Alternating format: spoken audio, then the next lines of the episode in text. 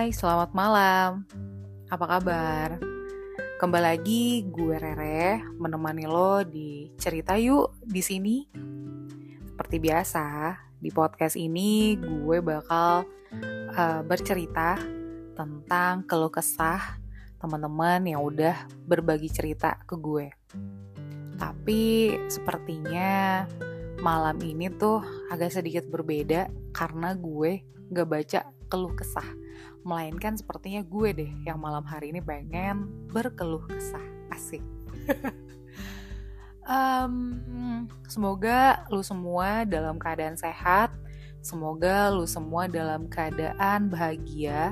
Dan kalau misalnya yang lagi dengerin podcast gue lagi ada yang sakit gue berharap semoga cepet sehat.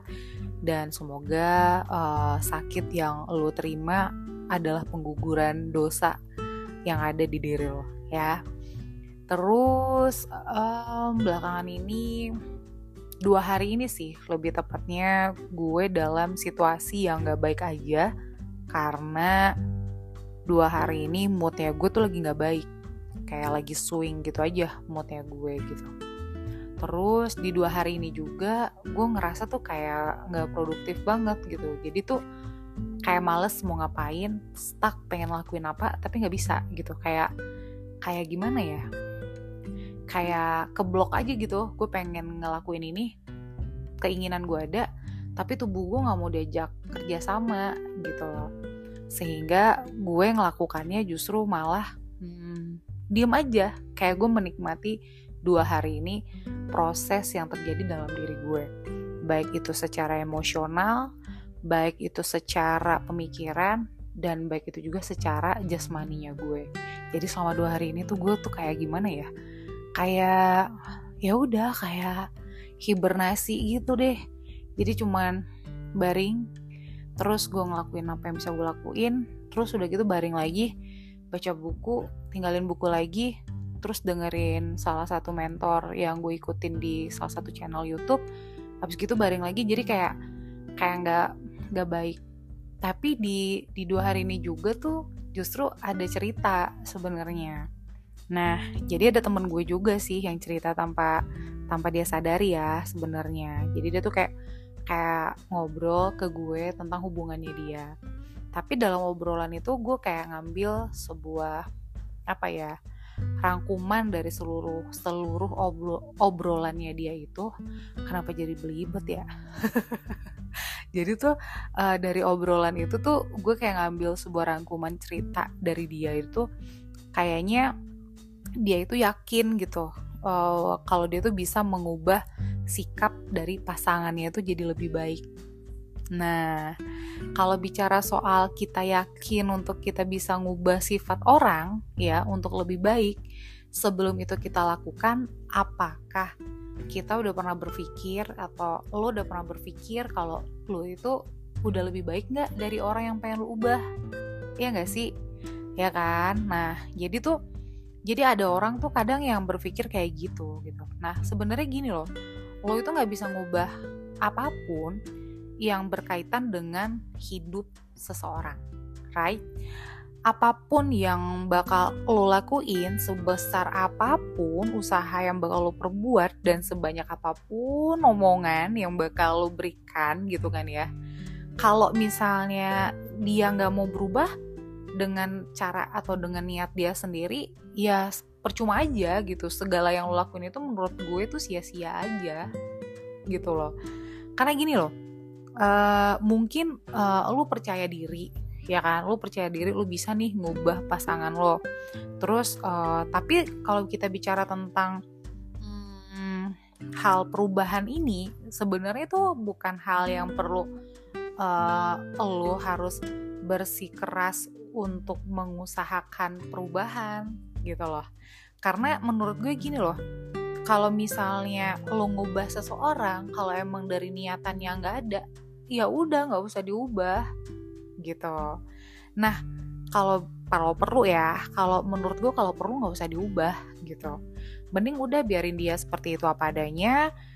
Kalau emang lo sayang sama pasangan lo, ya udah terima dia apa adanya kalau misalnya dari pasangan lo misal ada yang tidak berkenan di hati lo diobrolin aja kalau lo nggak suka dengan itu gitu loh jadi misal nih ada hal yang menurut lo kok pasangan gue gini sih kok pada kenyataannya dia cara ngobrolnya ke gue kok nggak nggak enak ya? Atau sikap dia kok gitu sih? Atau um, perlakuannya kok gini sih ke gue? Kan gue nggak pernah memperlakukan dia kayak gitu gitu loh.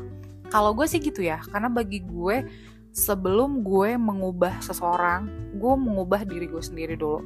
Sebelum gue negur seseorang gue tanya diri gue dulu gue pernah nggak ngelakuin itu? Atau which is gue pernah nggak sih uh, berbuat itu ke dia sampai dia harus memperlakukan gue seperti itu. Kalau seandainya pertanyaan yang barusan gue lontarkan itu di diri gue ternyata gue nggak pernah ngelakukan itu baru gue sampein ke partnernya gue ke pasangannya gue atau ke temannya gue gue nggak pernah loh lakuin itu ke lo. Terus kenapa lo ngelakuin ini ke gue? Gitu. Ya nggak sih? Nah karena apa? Karena sebelum kita kita bertindak kita harus mikir dulu nih tindakan yang kita lakukan nih bener nggak? Atau tindakan yang kita buat itu um, nyaman gak sama yang nerima? Gitu loh. Karena apa? Karena menurut gue uh, lo akan capek sendiri aja sih gitu. Capek aja gitu dengan dengan capek sendiri aja dengan niatan lo yang mulia tapi dari orang yang pengen lo ubah justru malah nggak pengen ngubah diri. Bener nggak? Nah itu tuh. Kadang hmm, gue nggak tahu ya menurut lo semua kayak gimana tapi kalau menurut gue Kenapa kita harus merubah pasangan kita sesuai dengan yang kita mau? Kalau misalnya sesuai dengan yang kita mau, nggak ada warna dong dalam uh, hubungannya kita, ya nggak? Justru kan yang bikin ada warna dalam hubungan kita itu perbedaan. Nah, perbedaan tadi, bagaimana caranya kita, each other, bisa menerima perbedaan tersebut. Misal, kayak gue nih, gue tipe orangnya yang susah bangun pagi, misalnya gitu. Terus pasangan gue orangnya apa morning person terus ngurusin semua misalnya buat anak-anak. Karena pasangan gue tahu karakter gue ya udah dia nggak nuntut banyak ya udah dia terima gitu. Nah tapi setelah itu gue kayak sadar diri aja oh iya ternyata tugas gue setelah ini apa karena udah diambil alih yang pagi otomatis siang sampai sore tugas gue apa misalnya kayak gitu terus yang kedua misalnya kayak itu kan di gue nya Nah, tiba di pasangan gue nih, misalnya pasangan gue tuh tipe tipenya adalah suka naruh tas pulang kerja sembarangan, misalnya kayak gitu. Gue kan bete ya, ya semua perempuan pasti bete lah. Itu hal sepele sih menurut gue. Terus udah rapi, tiba-tiba ditaruh sembarangan, gak tertata, bad mood dong. Awal-awal gue kesel, gue pengen ngubah, tapi ternyata justru kalau gue ubah gak jadi diri dia sendiri dong. Gak seru kan, dia berubah dengan terpaksa. Karena itu kan sebuah apa ya sebuah seni dari perilaku seseorang menurut gue gak usah jauh-jauh satu lagi nih perumpamaan yang paling banyak banget yang gue yakin pasangan di mana pun pasti menemukan nih misalnya habis ngambil baju ya kan pintu lemarinya nggak ditutup pasti gue yakin yang dengerin podcastnya gue pasti Ih, bener banget re. Gue pernah lagi ngalamin ini sama pasangan gue. Ya kan? Atau habis mandi anduknya ditinggalin di atas kasur. Cowok tuh emang kayak gitu. Bisa dibilang mungkin ada yang bilang gue nggak gitu. Yes mungkin lo kategori cowok yang memang memerhatikan segala sesuatu itu yang tertata. Tapi kalau cowok yang nggak memerhatikan itu tertata karena memang udah kebiasaan mereka kayak begitu ya udah naruh sembarangan. Gitu loh. Jadi maksudnya tuh yang bener bukan gue bilang cowok tertata itu bukan manly ya bukan cowok banget gitu. Bukan maksud gue tuh cowok juga gitu. Tapi kan ada cowok yang cowok-cowok outdoor yang bener-bener tuh hah semua taruhnya sembarangan. Which is itu sepatu udah ada rak-rak sepatu tapi tetap taruhnya di depan pintu atau barangkali habis mandi anduknya ditaruh di atas kasur. Atau barangkali udah ngambil baju pintu lemarinya nggak ditutupin. Ya kan? Itu kan sebenarnya hal-hal sepele. Tapi apakah dengan hal, hal sepele yang harus kita ubah sesuai dengan yang kita mau itu akan berjalan dengan semaunya kita? Belum tentu. Karena itu kan udah habitnya dia. Tapi makin belakang ke ya makin ke belakang gitu ya makin gue berpikir ternyata seninya di situ mungkin uh, one day di saat kita LDR sama pasangan kita yang biasanya kita menemukan hal-hal seperti itu kita pasti akan merindukan momen itu. Nah itu yang gue bilang tadi bagaimana kita menghargai sebuah seni kebiasaan seseorang yang masih bisa kita toleransi menurut gue. Kenapa bagian yang ini bisa ditoleransi. Ya lu tinggal ngambil handuknya. Atau barangkali lu bilang tuh kan beb atau barangkali sayang tuh kan handuknya aku udah ngomong loh. Atau barangkali uh, uh, darling misalnya gitu ya panggilan lu apalah misalnya gitu ya. Jangan gitu dong lemarinya ditutup dong misalnya kayak begitu begituan jadi hal-hal itu sebenarnya bisa dikomunikasikan tapi nggak harus uh, mengubah sifat seseorang. Karena karena kalau bicara ngubah itu PR buat gue gitu. Gue aja tuh kebiasaan gue aja tuh masih PR untuk diubah. Gue sendiri pengen ngubah habitnya gue aja susah. Gimana caranya gue akan ngubah seseorang yang lain ibu lain bapak lain didikan keluarga yang kita ketemunya di saat kita udah sama-sama besar. Ya kan? Itu menurut gue ya. Nah lanjut lagi nih dari cerita yang tadi. Nah kalau misalnya nih lu nggak bilang gini hasil itu nggak akan mengkhianati usaha. Misalnya ada nih terbersit di hati lu lu punya prinsip deh kalimatnya gitu hasil tuh nggak mungkin deh mengkhianatin usahanya gue gitu. Ya kalau misalnya kayak gini ini pengecualian. Kenapa gue bilang pengecualian? Karena memang udah jelas uh, kita itu nggak bisa ngubah seseorang itu terlebih lagi sifatnya ya kan? Kalau misalnya hasil tidak mengkhianati usaha, itu benar. Pepatah itu menurut gue cocoknya lu kepengen mencapai sesuatu yang lu targetin. Yang mana target lu itu adalah value buat diri lo sendiri. Nah, di saat itu, usahanya kenceng banget tuh. Orang mungkin usaha langkahnya cuman, gak usah jauh-jauh deh, gini aja contohnya. Lu pengen nurunin berat badan. Ada orang yang usahanya cuman lima kali jalan ya setiap pagi itu cukup dalam waktu sebulan dia bisa nurunin berat badannya misalnya 3 kilo atau 5 kilo lah misalnya. Nah, tapi karena lu tipenya beda tubuhnya, otomatis lu harus tiga kali lipat dari orang yang tadi. Supaya menghasilkan berat badan lu turunnya 5 kilo sebulan. Cocok dibilangkan yang namanya usaha itu nggak akan pernah mengkhianati, mengkhianati hasil. Tapi kalau sifat seseorang gak bisa. Gak bisa. Kenapa gue bilang gak bisa? Wajah bisa dioperasi. Ya gak sih? Bisa. Tapi kalau sifat susah buat diubah. Karena udah dari lahir, udah bawaan oroknya begitu. Iya gak? Emang udah dari sononya begitu, gak bisa diubah gitu loh. Nah, makanya gue bilang, apalagi misalnya kita lagi ngejalanin hubungan nih, ya kan? Menurut gue, lebih baik berhenti berpikir bahwa lu tuh bisa ngubah sifat pasangan lo. Berhenti berpikir bahwa ketulusan yang lo berikan akan memberikan hasil untuk mengubah dia.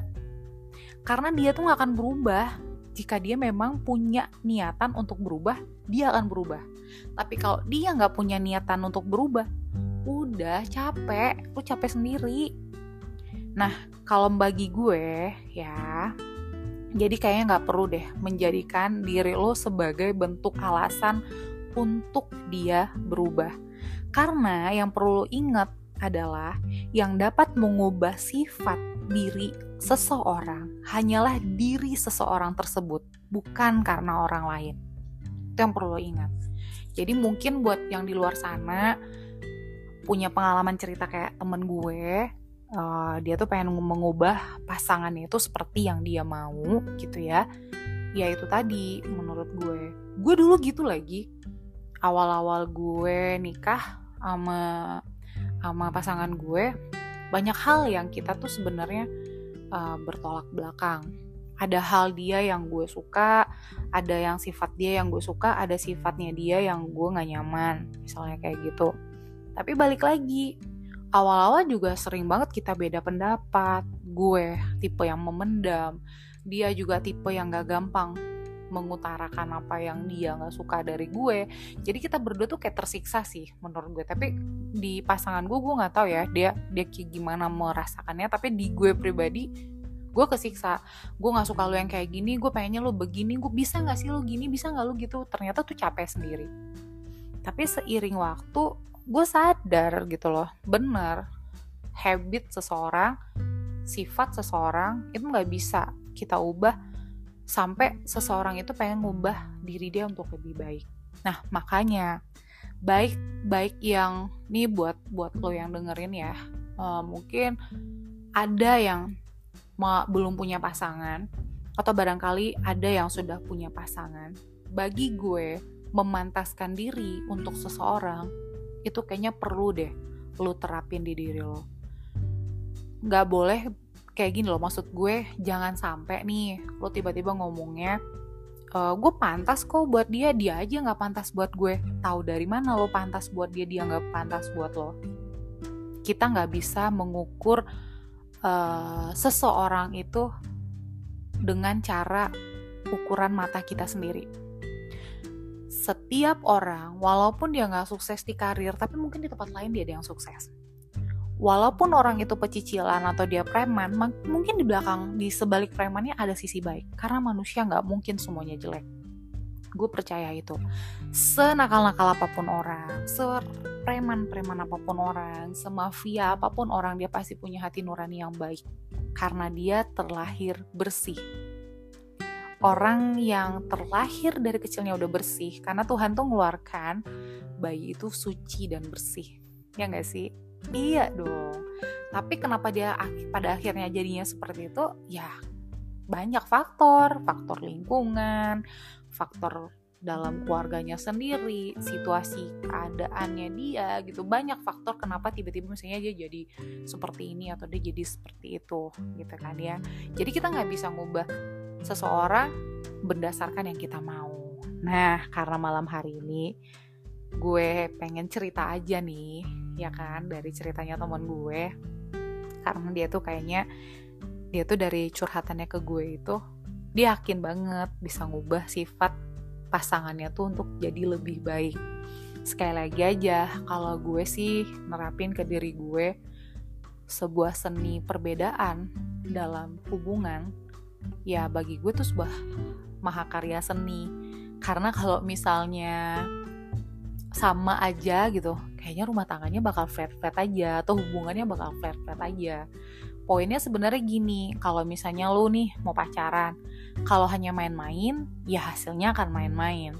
Tapi kalau lu pacarannya punya tujuan tujuannya apa dulu? Tujuannya baik nggak? Kalau misalnya tujuannya baik ya udah capai tujuan yang baik tadi. Begitupun misalnya yang udah berumah tangga. Kalau yang udah berumah tangga kenapa sih gue selalu berantem nih berumah tangga? Kenapa sih gue selalu oh, emosional nih dengan pasangan gue? Gue lelah loh dengan perbedaan ini gitu. Berarti lu nya yang belum terlalu memahami pasangan lo atau pasangan lo yang belum memahami lo. Karena nggak bisa ibarat uh, apa ya tangan nggak mungkin bertepuk sebelah gitu kan ya. Pasti dua-duanya dong gitu. Jadi nggak mungkin hanya sepihak aja yang bisa melakukan hal itu gitu. Jadi sebelum kita merubah seseorang ada baiknya coba deh kita merubah diri kita dulu udah baik belum kita? Sama aja sih halnya kita pengen nunjukkan yang baik nih buat orang apakah kita udah melakukan hal baik tersebut sebelum kita nyuruh orang melakukan hal yang baik? Itu sih. Terus yang kedua kalau misalnya sering banget nih terjadi perbedaan di antara lo dianalisa lagi aja perbedaannya ada apa. Selagi tidak mengganggu prinsip dalam hidup lo yang gak ngeganggu prinsip utama dari diri lo ya udah selagi masih bisa ditoleransi kenapa nggak ditoleransi? Kalau misalnya udah keganggu nih wah ini prinsip gue banget nih nggak bisa gue nggak bisa. Kalau prinsip gue kayak gini digoyahin sama dia atau di perbedaannya ini udah udah ngena banget di gue misalnya gitu ya. Obrolin dulu. Diskusi dulu berdua. Tapi kalau misalnya diskusi itu tidak menghasilkan yang lebih baik tanya lagi maunya gimana? Baiknya kita seperti apa? Karena bagi gue apabila sudah berkomitmen sama seseorang, baik itu dalam berpacaran ataupun sudah menikah, poin yang pertama yang harus gue garis bawahi dalam diri gue adalah komitmen tadi tujuannya ke mana? Goalnya apa?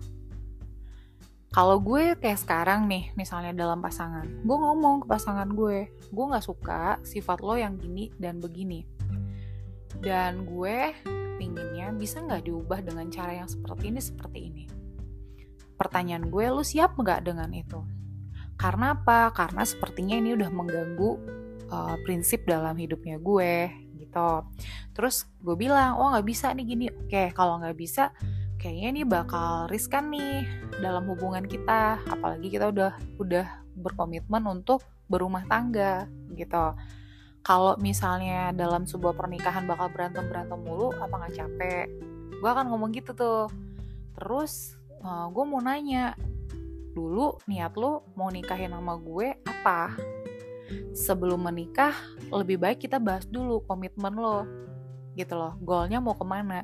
Kalau menikah cuman pengen berantem atau menikah hanya kepingin menghalalkan hubungan lo atau pengen punya status bahwasanya lo udah punya suami atau istri buat apa kalau nggak punya tujuan dalam sebuah pernikahan? Yang namanya hidup ya harus punya tujuan dong bukan hanya hidup yang punya tujuan pernikahan juga punya tujuan sekolah juga punya tujuan kerja juga punya tujuan ya kan? Tapi kalau misalnya kita menjalani kehidupan kita nggak ada tujuannya bingung dong arahnya ke mana. Nah jadi buat lo semua yang lagi dengerin podcastnya gue di cerita yuk di sini kali ini sebelum kita memutuskan untuk berkomitmen sama seseorang ada baiknya kita tanya dulu ya kan? Maunya apa goalnya ke mana? Terus ke depannya poinnya apa nih yang bakal kita capai dari sebuah hubungan tersebut? Jangan main ambil wah saya mau ngubah sifat pasangan saya deh biar biar saya juga nyaman. Wah sifat pasangan saya nih nggak baik nih sifatnya begini. Pokoknya gue pengen lakuin deh ngubah sifatnya dia gitu. Jangan itu dulu tentuin dulu tujuan lu sama dia apa. Kalau lu udah yakin sama dia oke okay, gue yakin ya sama pasangan gue. Siap. Ternyata dia punya kekurangan ini ini. Lu list aja lu catat aja kekurangan dia bla bla bla bla yang dari pandangan lo dan lo rasain selama lo kenal sama dia. Ada yang bisa ditoleransi di checklist ada yang nggak bisa ditoleransi disilangin. Ini perlu didiskusikan. Terus ini nggak bisa ini nggak apa-apa. Ini oke okay, ini boleh ini enggak gitu nah udah nanti pas ketemu ngobrol sebelum mengambil keputusan untuk serius dalam menjalin hubungan. Jadi itu tadi ceritanya. lucu ya, lucu. Tapi sebenarnya gue dulu pernah lagi di fase-fase ini, beneran deh. Gue pernah banget berada di fase-fase uh, mengubah seseorang seperti yang gue mau. Tapi belakangan ini gue baru sadar gitu loh ya nggak bisa. Itu kan sifat ya sulit untuk diubah gitu. Apalagi sebuah habit ya akan sulit. Tapi kalau misalnya kayak gitu gue makan hati dong atau makan makan ampela. Enggak ya. Ya maksudnya gue bakal makan perasaan dong gitu ya. Oh, tekanan batin ya berarti lu yang salah. Karena melihat persepsinya dari satu sudut pandang aja gitu. Nggak bisa. Kenapa sih orang bisa goal dalam rumah tangga sampai 50 tahun ya kan? Sampai usia pernikahannya maut yang memisahkan. Berarti mereka sudah paham menjalani hubungan mereka seperti apa dan bisa menerima kekurangan satu sama satu lagi satu sama lainnya gitu. Jadi ibaratnya udah tahu aja gitu. Kalau ini harus begini kalau ini ngatasinya begini kalau begini ya begini. Emang sih yang namanya hubungan itu pasti ada yang keras kepala ada yang egois udah pasti. Tapi balik lagi komunikasi itu poinnya dalam sebuah hubungan. Jadi semoga kalau seandainya ada nih yang lagi ngerasain wah kenapa nih? Gue pengen ngubah banget uh, sifatnya pasangan gue gitu ya. Semoga ini bisa menjadi uh, apa ya hmm, masukan kali ya buat lo.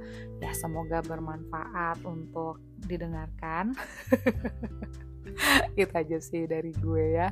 Ah kalau kesah gue malam hari ini sampai di sini dulu.